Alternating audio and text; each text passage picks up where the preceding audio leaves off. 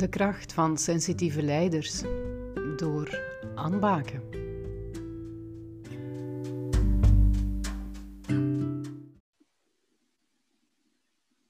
Oké, goed. Sarah, heel fijn um, dat wij hier samen zijn, dat ik jou mag interviewen in het kader van de kracht van de sensitieve leider. Um, en ben heel nieuwsgierig ja, wat dat, hoe dat jij je sensitief leiderschap toepast of dat je je daarin herkent. Dus het is een kwestie van daarover een gesprek te hebben en ja.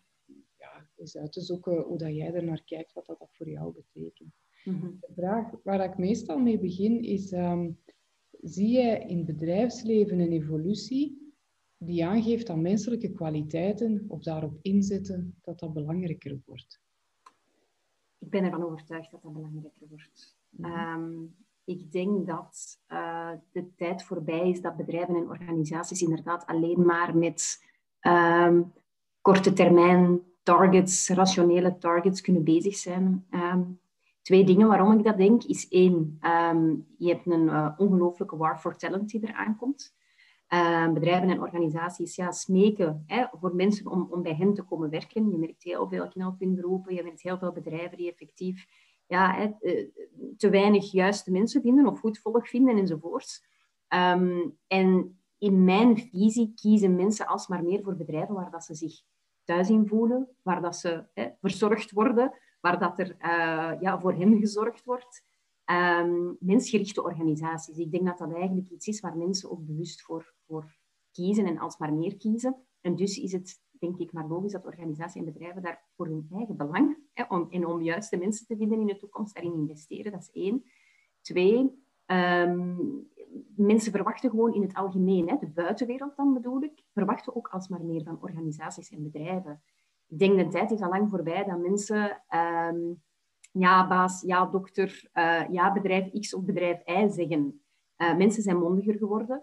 Um, verwachten meer van, uh, van bedrijven en organisaties. Verwachten dat ze, dat ze uitleg krijgen als er iets misloopt. Hè. Klanten bijvoorbeeld die op sociale media effectief ja, op hun strepen staan naar organisaties en bedrijven. En dan pas je je daar als bedrijf of organisatie ook maar beter aan aan.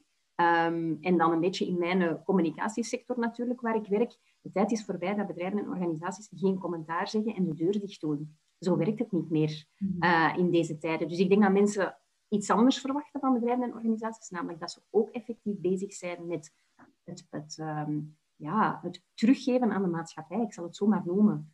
Ehm, ehm, alles met betrekking tot maatschappelijk verantwoord ondernemen of duurzaamheid of alle CSR of alle woorden die ze erop plakken. Het is, uh, het is wel iets dat, dat meer en meer doordringt bij bedrijven en organisaties, dat ze erin moeten investeren. En dat is uiteraard natuurlijk een heel menselijke kant uh, van het verhaal, dat dan veel meer naar boven moet komen dan vroeger. Ja, oké, mooi dat je zo vertelt over dat teruggeven aan de maatschappij. Um, dat gebeurt dan via de organisatie, via de mensen die daar werken. Daarvoor denk ik dat dat verzorgen, wat dat je er net aangaf, van uh, de mensen die werken in een organisatie ook belangrijk is, dat zij ook dat stuk kunnen gaan teruggeven aan de maatschappij.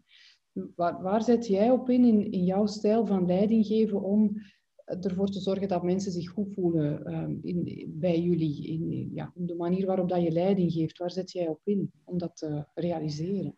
Um, wel, ik ben daar op zich um, nooit echt super bewust mee bezig. Hè? Dus ik denk dat elke leidinggevende dan wel eens ja, van die typische managementopleidingen heeft gevolgd, hè, waar dat dan allerhande regeltjes worden aangeleerd van hoe dat je met je mensen moet spreken en hoe dat je een slecht nieuwsgesprek uh, moet doen enzovoort. En dan en dan krijg je zo van die regeltjes opgelegd van je moet altijd in de ik-boodschap spreken enzovoort. En ik heb daar eigenlijk een beetje een hekel aan.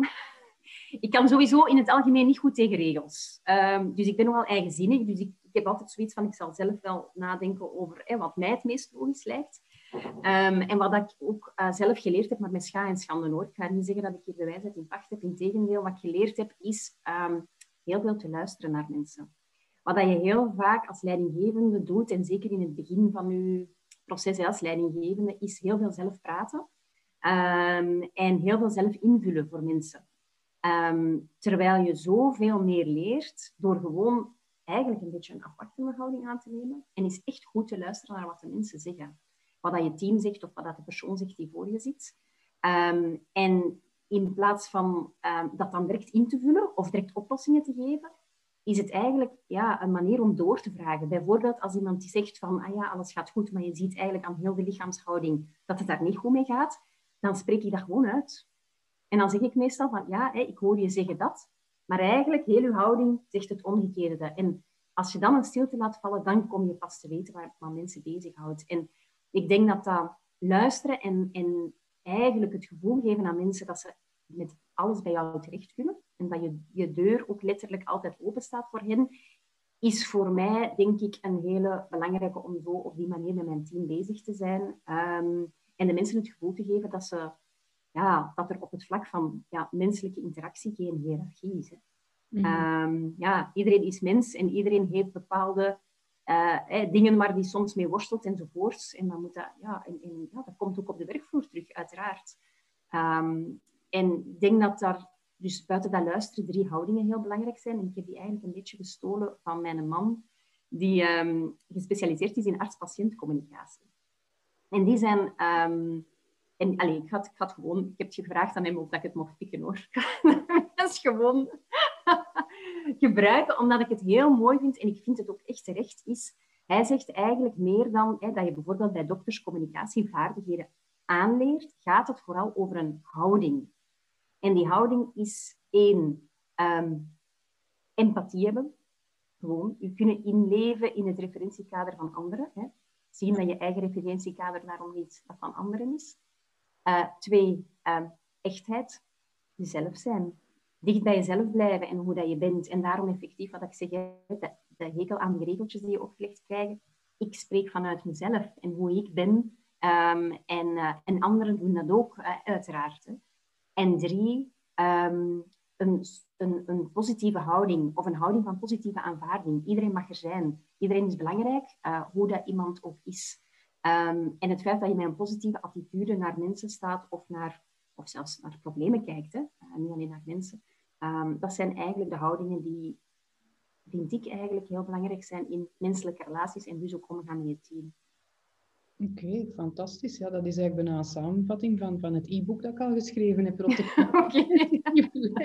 en ik vind het ook heel mooi dat je vertelt dat, dat uw man is uh, uh, dokter dan, arts. Het gaat, gaat... Is, ja. ja. mijn man is uh, psycholoog van opleiding en die is nu professor um, aan, aan de VUB. En mhm. geeft les aan um, dokters in opleiding.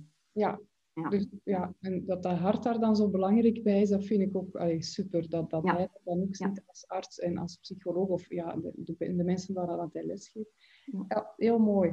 Ik ga even terug naar, naar het begin wat je vertelde. Dus je zei, hè, luisteren naar mensen is heel belangrijk, dat doorvragen. Ik heb dat ook uh, geleerd vertelde je. In het begin vertelde je zelf meer, gaf je aan. Dan was je zelf meer aan het praten. Dan heb je op een gegeven moment de klik gemaakt van het is eigenlijk beter als ik naar mensen luister, als ik niet ga invullen, maar als ik uh, en laat voelen dat ze met mij, mij alles terecht kunnen. Wat heeft ervoor gezorgd dat jij die klik gemaakt hebt? Want ik merk bij heel veel leidinggevenden dat ze de neiging hebben om te gaan invullen of dingen te gaan oplossen. Maar jij hebt ergens een klik gemaakt waardoor dat je het nu anders kunt doen, op een veel inderdaad sensitievere manier. Ja, um, er, zijn, er zijn uiteraard bepaalde momenten in je loopbaan dat je effectief geconfronteerd wordt met situaties waarvan je achteraf zegt, ik had het anders moeten aanpakken. Mm Je voelt dat eigenlijk onmiddellijk. Een gesprek dat niet gelopen is zoals je het wil, waarbij je, waarbij je naar buiten stapt en denkt van ja, dit was nu echt ah, een slecht gesprek. Ik ben daar te hard ingevlogen. Ik heb mensen te weinig de kans gegeven. Ik heb ze niet kunnen overtuigen van eh, mijn visie, dat heeft een bepaalde reden. Een conflict dat je hebt bijvoorbeeld met een, um, met een collega of een, een conflict, uh, een, een, een, meningsverschil dat je hebt met een collega of met je leidinggevende een keer. Dat zijn eigenlijk allemaal momenten waarop dat je jezelf in vraag stelt. Ik doe dat eigenlijk in mezelf altijd. Als, als ik voel dat er effectief een frictie is geweest, ga ik nadien mij afvragen van hoe kwam het? En heel vaak kwam ik dan effectief uit bij het feit dat ik te hard had, had, ja, snel dingen willen zeggen, ehm, mijn boodschap er te hard heb willen door, uh, doorvoeren enzovoorts. En dat is natuurlijk een beetje aldoende leert men. Hè?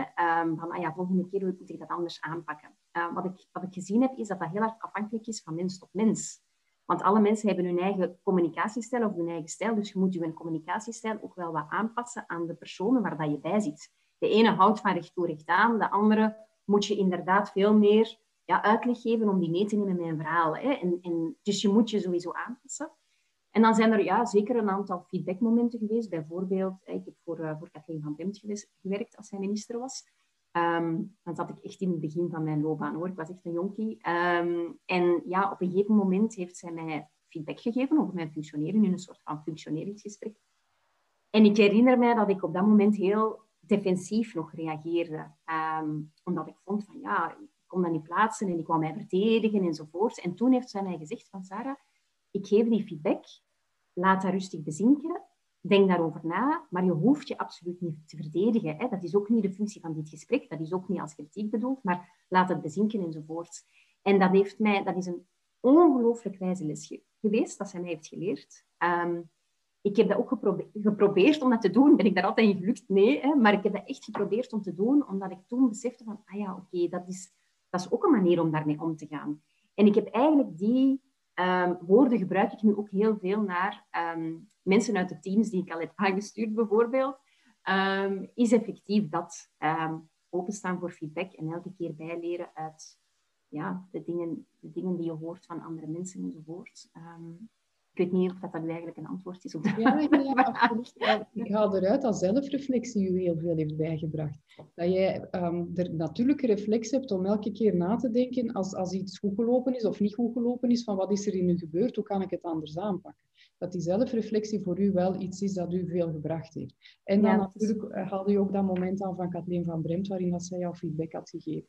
En dat je dat dan ook hebt kunnen laten binnenkomen. Dat zij u eigenlijk echt geleerd heeft van, ja, luister daar gewoon naar, hoeft niet direct in de verdediging te gaan. Ja, ja. mooie samenvatting aan. Dank u. ja, ik breng helderheid. Hè. Ja, ja. Samen. Um, het zelfreflectie is ook een van de, de pijlers die dat ik beschrijf in uh, de kracht van sensitieve leiders, die dat ik enorm belangrijk vind voor een mm. sensitieve leider. Zelfreflectie is de basis ik geef daarin ook wel aan dat zelfreflectie soms ook destructief kan zijn als je daar te ver in doorgaat. Dus als je um, te veel aan jezelf gaat twijfelen, te veel denkt van ja, ik heb hier iets niet goed gedaan of ik moet dingen anders aanpakken. Heb jij dat zelf ook meegemaakt? Is daar ooit een moment geweest dat je daarop betrapt hebt of dat je daarin vastzat? Um, eigenlijk ben ik daar, ik kan vrij goed grenzen stellen. Ehm, ik weet niet meer wat dat te maken heeft. Is dat persoonlijkheid of is dat een beetje door de ervaringen die ik heb gehad? Bijvoorbeeld effectief om heel jong in de politiek te gaan werken en ja, dat je daar effectief een olifantenveld moet hebben. Dat kan zijn. Um, maar ik kan vrij goed um, grenzen stellen voor mezelf. In de zin van, ik leg voor mezelf de, de lat uh, hoog. Op, op, op werkvlak leg ik de, de lat voor mezelf hoog. Maar is, um, hoe moet ik het zeggen ik um, zorg ervoor dat ik daar effectief mijn grenzen bewaak. Dat wil zeggen, ik durf tegen mensen nee zeggen. Ik durf tegen mensen zeggen van, uh, dat, dat, kan ik, dat kan ik wel doen, maar dat doe ik niet. Of dat is niet mijn taak, of dat is eigenlijk aan iemand anders om te vragen enzovoort. Dus ik stel duidelijk mijn grenzen. Um, ik durf dat ook effectief uit te spreken. Hè. Ik, kan, um, ik, ben, uh, ik ben vrij assertief. Um, mijn, een van mijn voorgaande bazen heeft ooit, ooit gezegd in een evaluatiegesprek, je bent zeker assertief genoeg. Um, dus ik zeg het wel, hè, ze hebben het ook altijd wel gehoord als ik, uh, als ik effectief vind dat er iets niet, niet goed lopen is zoals het zou moeten lopen. Um, maar dat is wel de truc natuurlijk om u te kunnen uh, overeind houden in, uh, in, in omgevingen die toch vrij concurrentieel zijn en waar dat de druk toch hoog is. Um, ik um, merk wel, um, bijvoorbeeld hè, met, het, met, het, uh, met, een, met een team bijvoorbeeld, dat er mensen zijn die dat moeilijker kunnen aan zichzelf. Die moeilijker grenzen kunnen stellen en die daardoor effectief um, ja, vaak uh, verdrinken hè, in het werk. Hè, omwille van ofwel de, de stress die ze zichzelf opleggen en de druk die ze zichzelf opleggen, of van andere mensen die hen allerhande taken extra geven enzovoorts en die zeggen van, ah ja, oké, ja, ik zal dat doen en die heel servicegericht zijn, maar eigenlijk eh, niet goed genoeg in grenzen bewaken. En gebruik vaak daarvoor die, um, die, dat beeld van de aap, um, hè, waarbij dat je effectief zegt van ja, iemand staat er eigenlijk met een opdracht voor jou. Visualiseer dan nu eens dat je een aap heeft op zijn schouder. Die komt die opdracht geven, die wilt u die een aap geven, die wilt u op je schouder zetten. En eigenlijk moet je je altijd de, dan de afweging maken van maar is dat nu een aap voor mij of is dit eigenlijk een aap voor iemand anders? En als een aap is voor iemand anders en die is niet voor u, die taak is niet voor u, moet je die aap gewoon teruggeven en terug op de schouder zetten van degene die de opdracht komt geven. En op een of andere manier, die visualisatie werkt wel. Um, ik heb dat eigenlijk al vaak gebruikt in, uh, in, in de teams of de mensen waar ik mee samenwerk. Als ik zie dat mensen effectief heel de tijd um, alle taken van de wereld op zich nemen, gebruik ik dat beeld van die, van die aap, omdat dat effectief, ja, door het te visualiseren wordt het duidelijker. Hè, bijna. Um, maar grenzen stellen is superbelangrijk voor iedereen. Ja, het beeld van die aap is een, is een heel mooi voorbeeld, want inderdaad, voor sensitieven, dat is een van de grote valkuilen. Die zijn heel servicegericht, die willen helpen, dat, dat is hun DNA eigenlijk. Hè. Andere mensen willen verder helpen en zoveel mogelijk goed willen doen voor het team, ondersteunen, waardoor dat ze bij momenten zelf verdrinken. Ja. Dus ik vind het wel heel sterk dat jij zegt van die, die grenzen stellen, dat, dat doe ik eigenlijk. Is dat iets dat je ook geleerd hebt of dat jij altijd in je gehad hebt? Ik denk dat ik dat voor een groot deel altijd eigenlijk in mij gehad heb. Um, ja, ik ben wel zelf iemand die heel restless is dan. Hè. Dus ik, kan heel veel, ik heb heel veel prikkels nodig. Mhm. Ik vind het heel tof om heel veel dingen tegelijk te doen en heel veel nieuwe dingen bij te leren.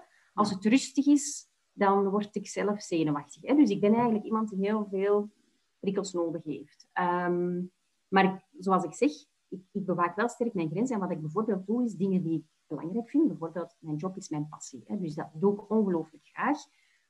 Um, heel mijn huishouden bijvoorbeeld thuis, dat is nu iets dat ik met heel veel graag uitbesteed. Dus ik kan heel goed uitbesteden ook. Mm -hmm. um, want dat is dikwijls een valkuil, zeker voor vrouwen.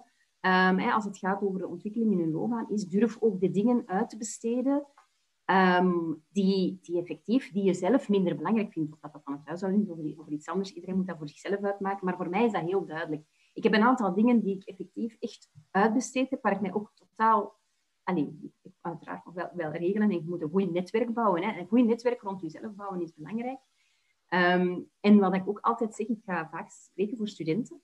En wat ik altijd zeg is, dat ze dan, hè, zeker in hun laatste jaar, en, en, en beginnen nadenken over hè, de carrière die ze willen, is dat ze één ding moeten doen en dat is een goede partner zoeken. Um, dat is cruciaal om effectief um, een, uh, een goede loopbaan te kunnen uitbouwen. Meer nog voor vrouwen dan voor mannen, denk ik dat dat uh, cruciaal is. Hè. Een partner zoeken die, ja, die u 200% steunt uh, in wat dat je doet. Um, is super, super belangrijk. En dat is eigenlijk ook altijd een beetje mijn baken geweest. Um, omdat ik ben zelf dus iemand die vrij rusteloos is en heel veel dingen tegelijkertijd doet. Maar wat mij altijd de rust heeft gegeven, is het feit dat er gewoon ja, een, een, een man en twee dochters uh, hier op mij wachten thuis. En dat is mijn baken. En iedereen heeft zo'n baken nodig. En bij sommige mensen is dat gezien, bij andere mensen zijn dat bijvoorbeeld hele goede vrienden of, uh, of neefjes of nichtjes of eender wat. Dat kan, dat kan voor iedereen iets anders zijn, of de natuur of, of maar je hebt wel ergens een rustpunt nodig, denk ik. Um, ik denk dat dat toch wel belangrijk is voor mensen. Ja, dat je weet dat je daar naar terug kunt gaan. Dat je ja. thuis thuiskomen. Klopt. Ja, letterlijk dan in uw geval. Ja. ja. Okay, mooi. Nog even terug te gaan naar uw team. Je zegt dat jij gemakkelijk opmerkt als mensen te weinig hun grenzen stellen, te veel op zich pakken. je hebt daar oog voor. Je ziet dat gebeuren en je gaat mensen daar dan ook feedback over geven of, of, coachen eigenlijk, uh, waardoor dat ze zichzelf kunnen beschermen. Zijn er zo nog zaken die dat jij opmerkt in het team waar dat je dan mensen op gaat coachen? En dan heb ik het vooral over ja, zaken waar dat sensitieven mogelijk een, een valkuil in zouden kunnen hebben. Dus je hebt daar aangegeven, ze trekken te weinig hun grenzen, ze gaan te veel proberen helpen. Zijn er nog zaken dat je ziet gebeuren waarvan dat je denkt van oei, hier kan ik best eens even uh, ja, over praten met die persoon? Um, ja, een aantal keren is het ook wel voorgevallen dat je effectief mensen in het team hebt die um, overprikkeld geraken bijvoorbeeld. Mm -hmm. Of die, um, ja, de, stress van de job, hè, want wij zitten zeker in de communicatie, PR-wereld, zijn vrij stressvolle jobs. Hè, dat is altijd werken tegen deadlines. Die effectief die stress moeilijk kunnen plaatsen. of effectief eigenlijk aanhinken tegen een burn-out. Dat zijn wel uh, dingen die ik vrij snel oppik. Um, waar dat dan effectief ook uh, best zo openlijk mogelijk over gesproken kan worden enzovoort. En ja, als ik, als ik terugkijk naar de afgelopen jaren enzovoort, is het toch vaak iets waar ik mensen aanraad om, om iets mee te doen, om niet mee te blijven zitten. En heel vaak verwijs ik dan zelfs door naar gespecialiseerde mensen of coaches of opleiding daar rond. Omdat ik zelf van mezelf vind dat ik daar te weinig echt bij kan helpen. Ik kan wel een aantal tips geven. Ik kan proberen de werkomgeving wat te veranderen voor die mensen. Bijvoorbeeld ervoor zorgen dat zij even wat minder uh, druk hebben. Of ervoor zorgen dat je die kan uh, in een tandem zetten, waardoor ze niet alles zelf moeten doen. Of de verantwoordelijkheid niet zo hard voelen. Ik kan ook aangeven van, voor ons is het oké als je even hè, ertussenuit gaat, een paar weken bijvoorbeeld, om tot rust te komen. Ik kan dat aangeven als leidinggevende, maar soms kan je, ja, kan je bepaalde dingen ook niet doen. En is het werk dat mensen zelf moeten doen. En dan verwijs ik hen toch wel vaak door naar ja, professionals die hen kunnen helpen. Omdat ik vind dat ik daar zelf te weinig geschoold voor ben. Om, en, je zit ook natuurlijk, zeker als leidinggevende ook, hè, zit natuurlijk nog altijd in een soort van ja, een, een relatie waarbij dat een medewerker misschien ook schrik heeft om mm hè, bepaalde dingen uh, te zeggen of te doen. Ik vind ook dat je er altijd rekening mee moet houden. Dat blijft een soort ja, een andere relatie dan gewoon een, peer-to-peers relatie.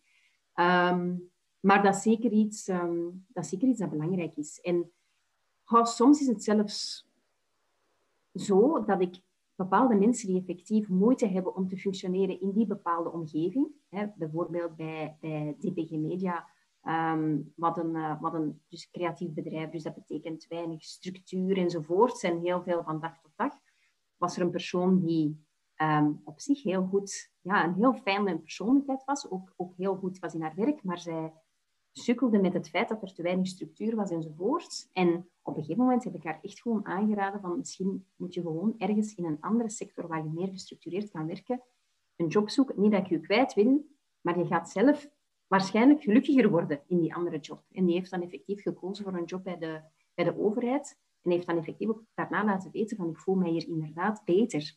Dus soms moet je ook gewoon afscheid nemen van mensen om hen gelukkig te maken. To set them free op een of andere manier. Uh, omdat mensen soms willen en, en ze, ze, blijven ook doorgaan. Hè? Van, ik moet dat hier kunnen, andere mensen kunnen dat ook, waarom kan ik het niet? Ik, ik ga mij forceren om dat te kunnen, maar eigenlijk zie je, misschien is deze plek niet de plek voor jou en moet je ergens anders je geluk uh, zoeken.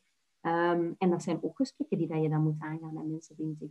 -hmm. Ja, ik vind het fantastisch dat jij die dingen opmerkt. Hè? Want je zegt van ja, ik merk ze wel op, maar ik kan er dan misschien daar verder niks mee doen en dan verwijs ik door. Maar ik, ik vind het op zich al een fantastische kwaliteit dat je daar als leidinggevende oog voor hebt, dat je het opmerkt, dat je het benoemt en dat je mensen naar ergens anders doorverwijst. Ik denk dat dat een van de belangrijkste kwaliteiten is dat een leidinggevende kan hebben ten opzichte van zijn team. Om die zaken op te merken en daar ook iets mee te doen wat zie jij als, als het effect van het feit dat je die dingen doet in hoe, hoe dat je met het team werkt of hoe dat het team samenwerkt? Ja, ja ik vind...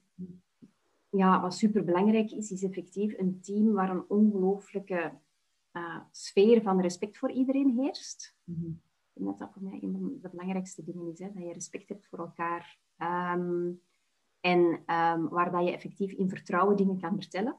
Um, ik heb er bijvoorbeeld ook altijd, ik vind dat heel belangrijk, hè, dat, dat, ik, dat ik heel veel open en transparant kan bespreken met het team. Ik deel altijd heel veel informatie, ook confidentiële informatie bijvoorbeeld, hè, omdat ik hen ja, vertrouw en, en, en ook weet dat mensen zich verantwoordelijker gaan opstellen als ze effectief het gevoel hebben dat ja, veel informatie met hen gedeeld wordt, dat ze betrokken worden in beslissingen, uh, dat ze daar zelf mee over kunnen nadenken, dat ze zelf heel veel verantwoordelijkheid krijgen.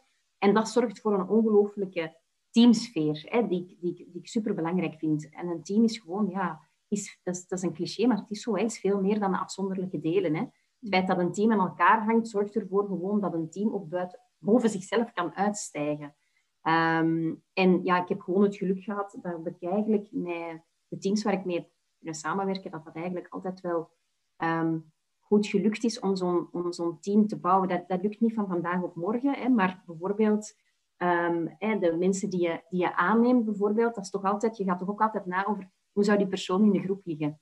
Past die hier? Past die bij ons als team? Het is niet dat je altijd op zoek moet zijn naar kopietjes, in tegendeel, maar het is, moet het wel iemand zijn die effectief ook ja, die, die, diezelfde houdingen eigenlijk ook belangrijk vindt teamplayers bijvoorbeeld. Hè, eh, dat het mensen zijn die effectief ook respectvol communiceren naar anderen, die openstaan voor, voor andere mensen. Dat, dat, dat vind ik super belangrijk.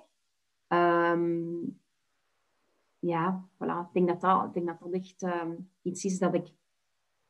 Als ik kijk naar hoe mijn loopbaan geëvolueerd is en, en wat ik allemaal heb mogen doen al, dan is dat eigenlijk dankzij de teams waar ik leiding aan heb mogen geven. Zij hebben mij gebracht tot waar ik ben. Is zo. Zij hebben mij kans. Ik heb, ik heb een paar jaar geleden ook zelf een boek geschreven. En ik heb toen effectief ook, hè, ze waren bij de boekvoorstelling toen, het team hè, waar ik toen leiding aan gaf. En, en ik heb dat toen ook gezegd, van het is dankzij jullie dat, dat ik dat boek heb kunnen schrijven. Hè. Ja. Omdat zij uiteraard ook supergoed werk deden enzovoorts. En ervoor zorgden dat ik dan effectief ook ja, de mogelijkheid had om dat boek te schrijven, bijvoorbeeld. Het is dankzij de teams, dankzij mensen, dat je komt waar je komt. Mm Het is echt een wisselwerking. Hè? Het is natuurlijk dat jij dat team zo vormt en ervoor zorgt dat die zo goed samenwerken, dat die enthousiast zijn, dat dat dan ook weer op u afstraalt. Hè? Dat je daar ook weer het voordeel van hebt. Hè? Ja. Dus dat is wel heel mooi. Dat is eigenlijk ja, een heel mooie samenvatting van wat brengt het als je op een sensitieve manier leiding geeft. Hè? Dan krijg je dus wat je net vertelt. Hè? Ja. Super. Ja. Wat zijn volgens u in een team dan hè, kwaliteiten van, van sensitieve teamleden? Wat zijn kwaliteiten waar dat een team op kan bouwen als mensen sensitief zijn? Ehm, ja, het, het, zorgen voor elkaar hè, sowieso. Hè. Je hebt altijd mensen in een team die effectief de eerste zullen zijn om, ehm, als er iets is met iemand, om daar een babbeltje mee te gaan doen. Um, om een telefoontje te doen als iemand thuis is. Om ook, ook, op te merken, daar is, daar is iets mee en dat dan komen zeggen. Hè. Dus je hebt eigenlijk ja, pionnetjes in teams die dat, die dat doen, die dat automatisch doen. Dat is superbelangrijk. Um, zij zijn ook vaak degene die effectief, bijvoorbeeld als er dingen moeten georganiseerd worden voor het team, en je doet een teambuilding enzovoort, die daar zelf heel veel inspanning in steken. Die er wil, eh, die mee nadenken, die een quiz gaan organiseren of zo, bijvoorbeeld, zo'n dingen. Um, je hebt dat nodig in je team, zo'n mensen. Dat is een beetje de smeerolie uh, van het team, hè, om het team goed te doen voelen. Um, en heel vaak zit het ook in de, in de kleine gebaren, denk ik. Bijvoorbeeld effectief, hè, iemand is, uh, is, is wat langer ziek thuis of heeft een, heeft een operatie ondergaan. Um, gewoon een, een, een, kaartje bezorgen of iedereen een, een papiertje laten schrijven met een persoonlijke wens en dat opsturen. Um, een WhatsAppje dat, de, dat, dat je aan hem of haar denkt. Um, ja, zo de, de kracht van de kleine gebaren, daar geloof ik wel in. En je hebt altijd mensen in het team die daar dat gevoel voor hebben. Die effectief ja, niemand zullen vergeten. En ervoor zorgen dat dat, um, dat, dat gebeurt. Um, dat, is, dat is zeker absoluut een, uh, absoluut een troef. En wat dat, dat is dan meer, hè, dat is meer intern gedacht. Als je dan kijkt naar extern bijvoorbeeld, hè, in, in onze functie van, van de communicatie, um, zijn dat vaak de mensen die zullen bij communicatie, als je voor een bedrijf werkt, voor organisaties, die de, die de link zullen leggen naar, maar als we dit nu communiceren, hoe gaan mensen daarop reageren?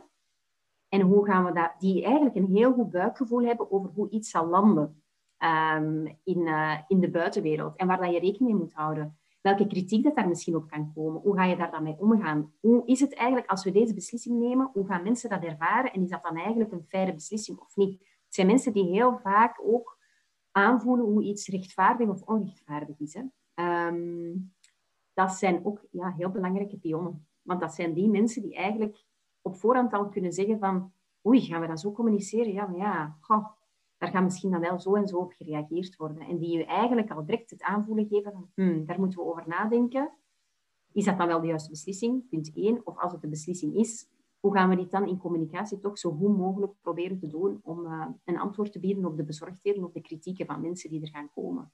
Dus die zijn echt wel um, belangrijk, zo'n dingen. Mm Ja, dat is iets dat, dat, ik vaak hoor bij mensen die sensitief zijn, dat zij kunnen inschatten wat dat gevolgen gaan zijn van dingen of hoe dat mensen gaan reageren, zoals dat je zegt, op bepaalde communicatie die naar buiten gestuurd wordt. Ja. Jullie houden daar rekening mee, hoor ik u zeggen. Hè? Als iemand dat zegt, dan, dan doe je daar iets mee, veronderstel ik. Ja. In veel, in veel organisaties gebeurt, gebeurt dat niet, uh, waardoor dat sensitieven dan minder en minder hun stem gaan laten horen, omdat ze ja, daar toch niet uh, het gevoel hebben van er wordt hier naar mij geluisterd of er wordt iets mee gedaan. Jullie doen dat eigenlijk heel expliciet wel, hoor ik. Hoe, uh, hoe werkt dat dan bij jullie? Ja. Mogelijk zijn er ook mensen die zeggen van, haha, er heb je weer iemand die dat denkt dat het allemaal mis gaat lopen en waarom kunnen we het nu niet gewoon doen? Ja, er zijn... Dus enerzijds zit er natuurlijk een deel in onze rol. Hè. De rol van communicatieprofessional is effectief om bijvoorbeeld... Uh, wij werken voor x aantal organisaties en bedrijven waar dat we adviseren, communicatie adviseren. Ja, zij verwachten dat ook van ons. Dat wij een effectief voorbereiden op ja, hoe zou het, hè, welke, welke lastige vragen zouden we kunnen krijgen enzovoort en hoe kunnen we daarmee omgaan. Als woordvoerder bijvoorbeeld bij uh, eh, DPG Media uh, was dat ook een rol. Hè? Namelijk aan de directie effectief, aan de directieleden ook effectief kunnen zeggen van kijk, maar als we dit communiceren, wat zijn de vragen die je gaat krijgen? Hoe gaan we ons daarop voorbereiden? Dus dat is een deel van uw rol, dus dat is op zich logisch hè, dat, we, dat doen.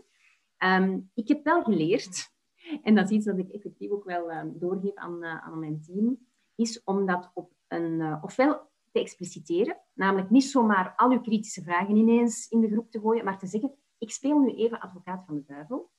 En dan, of ten tweede, het heel constructief te benaderen. Het is niet omdat je de lastige vragen stelt dat je niet mee kan denken aan de constructieve antwoorden.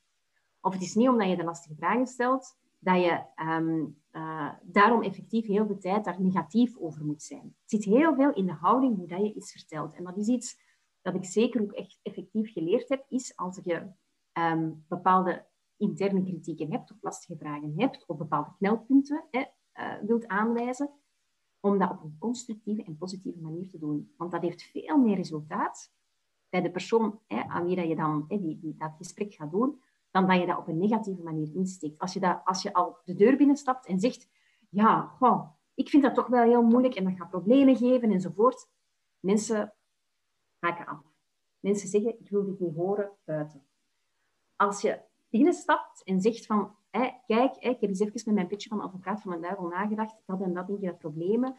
Um, zijn er bepaalde oplossingen mogelijk? Ik dacht zelf aan dat of dat, of hoe kunnen we daarmee omgaan? Is op een hele andere manier ingestoken en eigenlijk zeg je hetzelfde. Ja. En dat heb ik wel geleerd um, uh, doorheen uh, de jaren, om effectief altijd te proberen op een positieve, constructieve manier te communiceren naar mensen. Ook over de moeilijke zaken.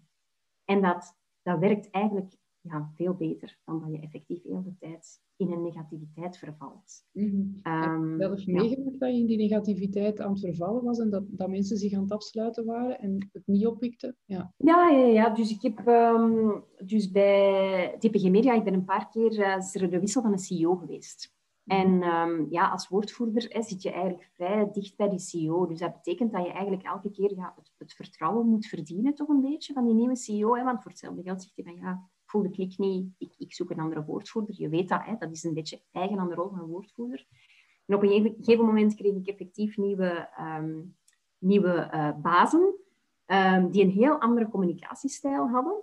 Um, en ja, ik, ik, was het gewoon op dat moment om heel recht toe recht aan te communiceren. Bij de vorige leidinggevende lukte dat eigenlijk ook wel.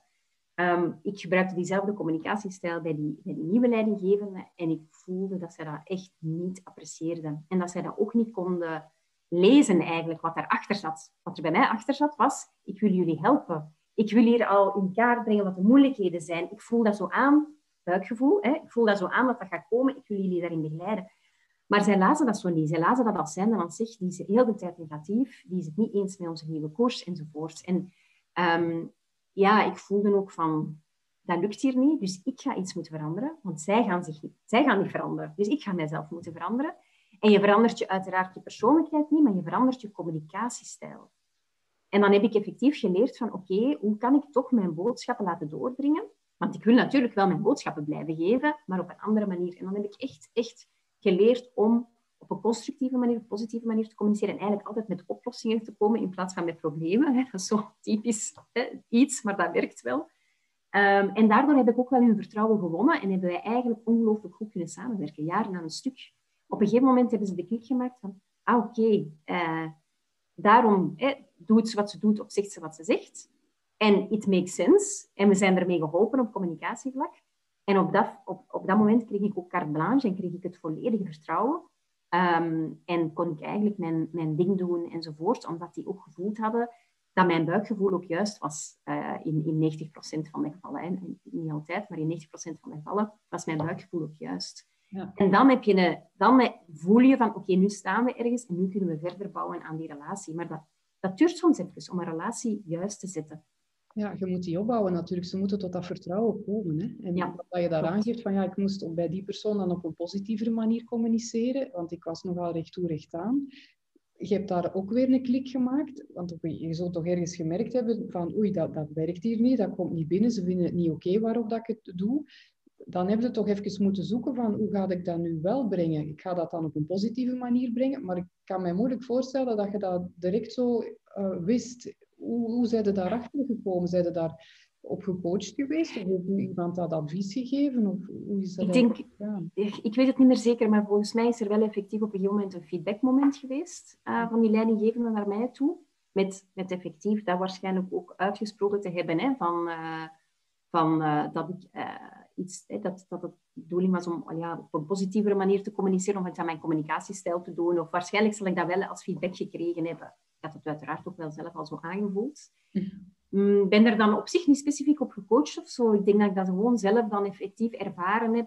Um, van ja, hoe pak ik hier nu beste zaken aan om toch mijn, uh, mijn ding te kunnen doen. Hè? Want dat, dat heeft uiteraard altijd natuurlijk een bepaalde... Ja, je bent zelf gemotiveerd om het, om het, om het op, een, op een goede manier te kunnen doen. Want het zorgt er ook voor dat je dan je job ook effectief op kunt doen. Hè? Um, dus Um, nee, wat ik, wel, wat ik wel misschien geregeld doe, en dat vind ik wel een belangrijke, is met een aantal peers in de organisatie uh, overleggen en vertrouwelijke gesprekken voeren en vertrouwensbanden hebben. Mm. Dus ik zoek altijd wel um, mensen in een bepaalde organisatie waar je werkt, die eigenlijk een beetje op hetzelfde niveau staan, of bijvoorbeeld dezelfde leidinggevenden hebben, maar dat je voelt, we zitten wel op dezelfde golflengte en we kunnen er uh, met elkaar over spreken. Um, en door die gesprekken uh, met andere leidinggevenden eigenlijk, ehm, leer ik ook wel veel bij. Um, omdat je dan effectief dingen kan aftoetsen. Van kijk, ik heb dat nu meegemaakt. Um, ja, hoe zou ik dat nu moeten aanpakken? Ik vind dat zo moeilijk om met die persoon om te gaan. En dan kunnen mensen vanuit een ander referentiekader, want iedereen is anders, daar soms wel nuttige dingen over zeggen. Van ja, maar ja, ik heb al gezien dat als ik dat doe, dat dat dan beter gaat. Misschien is dat iets dat je kunt proberen. Dus zo spreken met mensen die in, dezelfde, in een gelijkaardige situatie zitten, maar er toch een andere blik op hebben, helpt mij wel. En ik vind sowieso hè, een netwerk van mensen hebben, ja. van mensen die je kan vertrouwen, is, is, is cruciaal. Ehm, ik, ik investeer daar eigenlijk ook echt wel veel tijd in. Um, zowel mensen, inderdaad collega's, hè, waar dat je effectief voelt, die zitten op dezelfde golflengte en daar kan je in vertrouwen mee spreken, als met mensen erbuiten bijvoorbeeld. Hè, uh, als ik kijk naar de, de, de woordvoerders, communicatieprofessionals, Um, we hebben eigenlijk echt zo, ja, geregeld komen wij samen en dat is dat echt om ja, ervaringen uit te wisselen, maar ook soms effectief met, met, met vragen of, of twijfels te zitten. Van, ik twijfel nu echt, hoe zouden jullie dat doen? En eigenlijk ja, stelt je kwetsbaar op. Hè? Mm. Ehm, maar door je kwetsbaar op te stellen, zeker bij mensen waarvan dat je voelt, die gaan daar geen misbruik van maken of die gaan dat niet aan de grote klok hangen of zo. Je kan zoveel van andere mensen leren. Um, ik vind dat zo belangrijk om dat te doen. Ja, ik vind het ook sterk dat je dat doet, je kwetsbaar opstellen. Het is maar doordat jij het doet, dat anderen nu dan ook dingen kunnen meegeven waar dat jij dan ook weer iets mee kunt. En zij kunnen dan ook zich kwetsbaar opstellen naar je auto als zij ergens mee zitten. Hè? Ja. Ik merk ook wel dat dat een grote kracht is van sensitieve, dat kwetsbaar opstellen. Die zelfreflectie, absoluut. En um, doordat je dan feedback gaat krijgen van anderen en zelf over dingen nadenkt, ga je op een creatieve manier met nieuwe ideeën komen. En ga je bijvoorbeeld op dat idee komen van, ah, ik ga het nu op een positieve manier aanpakken. Ik ga het zo en zo formuleren, waardoor dat ze toch mijn boodschap mee hebben. En dat is iets wat dat sensitieve wel kunnen. Die creatieve twist daaraan geven. Mhm. Door die linken te gaan leggen. Dus dat vind ik wel een, een, heel mooi voorbeeld dat je geeft, waarin dat je nog eens bewijst dat dat effectief kan. Want sommige mensen blijven vastzitten in, ja, ik voel dingen aan en ik krijg het niet overgebracht. En mensen begrijpen mij niet. Ja, ja. en dat is eigenlijk, dan zit je eigenlijk in een straatje zonder eind. Hè? Hmm. Ehm, want dan effectief ga je geen connectie hebben met de mensen waar dat je de boodschap aan wil, wil vertellen. En dan ga je effectief ja, in je hoekje blijven zitten, terwijl de bedoeling is wel dat je eruit komt. En het is niet omdat je het effectief aanvoelt of er sensitief voor bent, dat dat wil zeggen dat je daarom, um, hoe moet ik het zeggen, um, um, inderdaad, dat, de, dat heel de tijd op die manier ook moet, uh, moet uitspreken. Je kan er ook anders mee omgaan. dat denk ik wel. Het hoeft niet altijd uh, in, een, in een negatieve sfeer te hangen of zo. Zeker niet. Eigenlijk in tegendeel. Ja. Uh, en daar moet je wel op letten, denk ik, als sensitieve persoon dat je niet degene bent die altijd klaagt. Mhm. Of die altijd zegt, ja, maar ja, oei, ah, en ah, nee, en ik voel aan dat, enzovoort. Dat, ik denk wel dat het belangrijk is dat je erop moet letten dat je effectief ja, die positiviteit wel kan blijven, kan blijven uitstralen. Mhm. Ja, dus eigenlijk het advies dat je meegeeft aan, aan sensitieven is van oké, je voelt veel aan, maar probeer dat dan toch op een positieve manier te brengen, dat anderen er ook iets mee kunnen. Ja. Je mogelijk al gemerkt dat sensitieven eerder in dat klaaghoekje blijven vastzitten? Omdat Um, het zijn mensen die harder over de dingen nadenken soms. Hè? Mhm. Klopt. Ehm, en dat is uiteraard goed en dat is een absoluut een troef. Maar op een gegeven moment moet je natuurlijk, zeker als je in een commerciële omgeving werkt, of eigenlijk op elke soort, in elke soort job, hè, moet je wel vooruit. Ja. En soms zijn er ook gewoon beslissingen die genomen worden, waarvan dat je je inderdaad vragen kan stellen of die een beetje indruisen tegen je eigen waarden en normen. Ja, als communicatiedienst bijvoorbeeld, ja, je gaat het toch moeten communiceren. En dan moet je soms ook vooruit. Allee, soms moet je ook zeggen van, oké, we weten het, we, we, hebben elkaar diep in de ogen gekeken, we weten allemaal wat we ervan denken, maar nu gaan we het wel doen. Dat is, dat is ook wel belangrijk natuurlijk om dat, uh, om dat te hebben, om daar, om daar ook uit te komen. Um, want anders ja, is, het, is het wel heel moeilijk. Ik denk wel dat het voor, voor uh, sensitieve mensen belangrijk is dat ze in organisaties werken die een uh, waarde- en normenpatroon hebben dat aansluit bij dat van, van henzelf. Ik denk wel dat dat een hele belangrijke is. Je kan het uiteraard nooit 100% in alle details eens zijn met wat dat je bedrijf of organisatie doet. Maar als het echt heel hard zou botsen met je eigen waarden en normen, dan hou je dat niet vol. Hè? Ehm, dus ik denk dat het belangrijk is voor sensitieve mensen om te kiezen voor organisaties waar dat ze zich echt ook goed in en waar dat ze achter staan, achter de beslissingen die daar genomen worden. En dat is uiteraard natuurlijk als leidinggevende altijd een uitdaging. Dat was toch een van de moeilijkere momenten die ik zelf heb meegemaakt, bijvoorbeeld. Um, was een grote reorganisatie die wij hebben uh, moeten doen bij, bij DPG Media een paar jaar geleden. Um, ik had voordien al wel eens um, mensen ontslagen. Hè. Dat hoort er ook bij als leidinggevende. Hè. Dat, dat je soms mensen moet ontslagen. Maar dat was altijd omwille van effectief verschillende factoren waar ik... Dat blijven natuurlijk geen, geen, geen leuke momenten om te doen, maar dat hoort erbij als leidinggevende. Mm. Maar bij die reorganisatie had ik een, ja, een heel groot onrechtvaardigheidsgevoel zelf, omdat ik vond dat we te hard um, moesten besparen, um, te veel mensen moesten ontslagen. Dat was gewoon ook in één grote reorganisatie. En hop, iedereen zoveel procent eruit. Um, terwijl, ja, uiteraard kon ik heel goede resultaten voorleggen voor mijn team. Uh, ja, een, een, een ongelooflijk team dat, dat fantastische dingen deed. En dan voelt dat heel onrechtvaardig aan. En dan is dat, dat is toch een van de moeilijkste momenten geweest die ik daar heb meegemaakt eigenlijk. omdat je moet dat uitvoeren, hè. Um, ik heb toen wel heel hard onderhandeld nog uh, om effectief minder mensen te ontslaan en toch nog een aantal mensen te redden. En ik heb daar effectief wel heel veel uit de brand nog kunnen slepen. Maar als puntje bij paaltje kwam, moest ik wel een aantal mensen op straat zetten die eigenlijk heel goed werkten. Dus dat, is, um, ja, dat, zijn wel, dat zijn pijnlijke momenten die er wel in hakken. En ook op je, op uw team. Um, maar ook daar heb ik eigenlijk wel, ben ik wel vrij open geweest naar het, uh, naar het team toe. Um, en ook effectief gezegd dat ik, het zelf, dat ik het zelf ook verschrikkelijk vond om te doen. Ik heb dat toen ook echt wel uitgesproken. Was dat um, een manier om te kunnen omgaan met dat onrechtvaardigheidsgevoel dat je had? Misschien wel, ja. ja. Want daarnet zei zorg dat je werkt in een omgeving die aansluit bij je eigen waarden en normen. Daar heb je dan gevoeld op dat moment dat dat niet zo was, omdat je het onrechtvaardig vond. Maar hoe gaat je daar dan mee om? Want ja, je moet het wel doen, hè? je moet het wel uitvoeren. Ja, dat is... Um... Ik heb wel, moet ik zeggen, ook wel aan mijn leidinggevende toen daar heel openlijk over gesproken. Dat, ik het, dat het voor mij dat dat heel moeilijk was. Um, maar dat ik nu niet... Um, wat ik vooral had, was, ik ga mijn team nu niet in de steek laten. Hmm. Want als ik nu zelf afhaak, hè, want dat had ik kunnen doen hè, op dat moment van, één zit me maar op de lijst bij de reorganisatie, uh, ik vertrek dan zelf wel. Uh, en trek je plan hier allemaal, maar dan zou ik mijn team in de steek laten. Hè? En dan zou er nog veel meer volk moeten gaan dan, uh, dan ik voor hen zou kunnen onderhandelen. Dus ik heb eigenlijk de klik gemaakt op een gegeven moment. En um, dat was ook effectief door te praten trouwens met mensen daarover. Um, en gezegd van, kijk, ik ga over mezelf pas later nadenken, namelijk na heel die reorganisatie. Mm -hmm. uh, ik ga dat ook uitspreken aan mijn leidinggevende dat dat voor mij heel moeilijk was en dat ik over mezelf en, en mijn functioneren ging nadenken, maar dat ik dat nu niet ging doen, dat ik dat later zou doen. Um, en dat ik nu ervoor zou zorgen dat effectief, ja, de communicatie moest uiteraard ook gebeuren, hè, want dat is altijd dubbelen in een communicatierol. Um, het ging over, onder andere over mijn team, maar wij moesten ook de communicatie doen over de hele re reorganisatie. Hè. Dus dat is heel moeilijk, hè, die twee rollen sowieso al. Dus ik heb gezegd van, zie, ik ga nu dat, ervoor zorgen dat dat professioneel gebeurt. Ik ga bekijken hoe dat mijn team nog kan functioneren en nadenken ga ik over mijzelf nadenken. En daardoor heb ik mijn eigen perspectief even losgekoppeld. Heb ik effectief ervoor kunnen zorgen dat ik dan effectief voor mijn team heb ik heel hard gevochten. Ik, heb, ik heb wel een aantal mensen moeten ontslagen, maar ik heb ook heel veel kunnen redden. Um, dat hebben we dan, hè, we hebben ook heel die organisatie op een professionele manier gecommuniceerd. Hè, daar kon niemand iets van zeggen. En effectief nadien heb ik dan uh, nagedacht over mijn, uh, mijn functioneren binnen het bedrijf. En ik zeg niet dat dat de reden is geweest dat ik dan uh, vorig jaar gestopt ben bij DPMG Media, want zo zit dat op zich niet in elkaar. Het is niet één ding.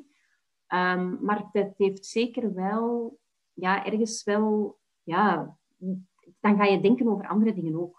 Het zet een denkproces in gang dat je dan, ja, dat dan effectief uh, vertrokken is. Um, maar dat zijn wel momenten die, um, ja, die cruciaal zijn hè, in, een, in een loopbaan. Nu, je weet dat natuurlijk op voorhand als je een leidinggevende positie hebt, of je zit in het management uh, van een bedrijf, dat je soms van die, van die moeilijke dingen moet doen. Hè. Dat, dat comes with the job. Hè. Dat, dat weet je ook wel.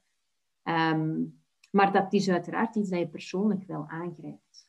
Ja, ja, ik vind het boeiend hoe dat je vertelt dat je jezelf eigenlijk op een gegeven moment gescheiden hebt van het team en dat je gezegd hebt van ik ga nu uh, in functie van het team werken. Dat is voor mij ook een van de pijlers van een sensitieve leider. Die gaat werken voor het grotere geheel. Dus die gaat niet op dat moment denken aan zichzelf, maar die gaat denken aan wat kan ik doen in uw geval om zoveel mogelijk mensen hier nog aan boord te houden. Mm. En dat is dan een manier om, om daarmee om te gaan voor u. Om ja, te dealen met hetgeen dat je eigenlijk niet zo oké vindt. En nadien mm. komt dan natuurlijk wel de weerslag. Hè. Dan ga je daar ja, bepaalde stappen uh, gaan volgen dan. Hè. Gaan beslissingen nemen. Ja. ja. Heel boeiend. Oké.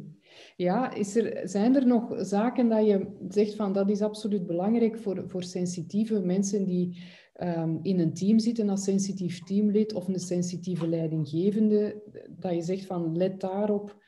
Uh, dat zijn tips die dat ik u wil meegeven, zaken die dat ik zelf geleerd heb. Je hebt natuurlijk al heel veel verteld, hè, waarvoor dank. Is er nog iets waaraan dat je denkt dat je zegt van dat wil ik zeker meegeven? Um, ga misschien als laatste van um, omring je met goede mensen. Ja. Um, vreemd, maar soms moet je mensen overtuigen om zich te laten omringen. Ik heb echt, ik, herinner mij zo gesprekken bijvoorbeeld met mensen in mijn team die echt een groot project moesten leiden, bijvoorbeeld. waarvan dat ik zelf aanvoelde, ja, maar ja, daar heb je echt wel extra volk voor nodig. We gaan bijvoorbeeld een aantal freelancers, of we werken met een eventbureau of een of andere, om dat gewoon te kunnen doen. Maar mensen willen heel graag uh, zelf die dingen vaak doen. Hè? Van ja, maar ik kan het wel zelf helemaal. Maar soms voel je van ja, maar nee, dat, het, is, het, is, het is niet negatief om hulp in te schakelen. Mensen zien dat vaak nog. Ja, maar als ik het niet alleen kan en ik moet hulp inschakelen, en hoe gaan ze dan over mij denken? En ik ben, allee, ik moet toch dit proces doen enzovoort. En ik merk heel vaak dat je soms aan mensen moet zeggen, het is nuttig ook voor jou om je te omringen met mensen die jou ook kunnen helpen. En dat gaat, als dat dan goed gaat, gaat dat ook afstralen op jou. Het is niet omdat je dan effectief zegt, ik heb mij hier een heel eh, laten omringen, dat dan plots de spotlights enkel naar die andere mensen gaat gaan.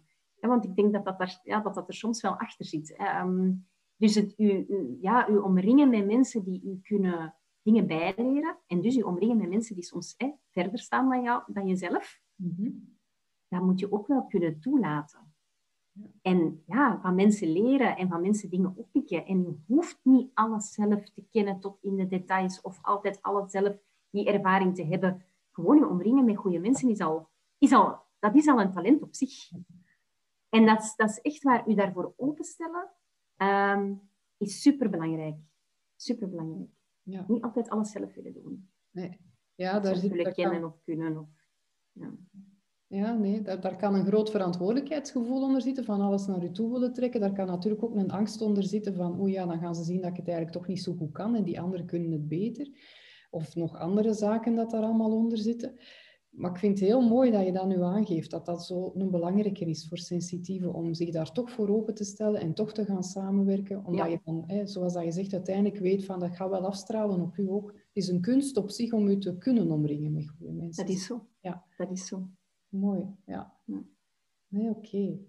Ja, wauw. Ik vond het um, een heel, heel interessant interview. Een heel waardevolle dingen gezegd. Oké, okay, dankjewel. Dank u wel daarvoor. Ik hoop dat, uh, ja, dat iemand er iets mee is. heel zeker van. Ja, ja, want tijdens het interview was ik al aan het denken aan een aantal mensen die dat ik begeleid, die dat met jouw antwoorden echt wel iets gaan kunnen. Dus okay. dank je. Okay. Ah, dat is fijn om te horen.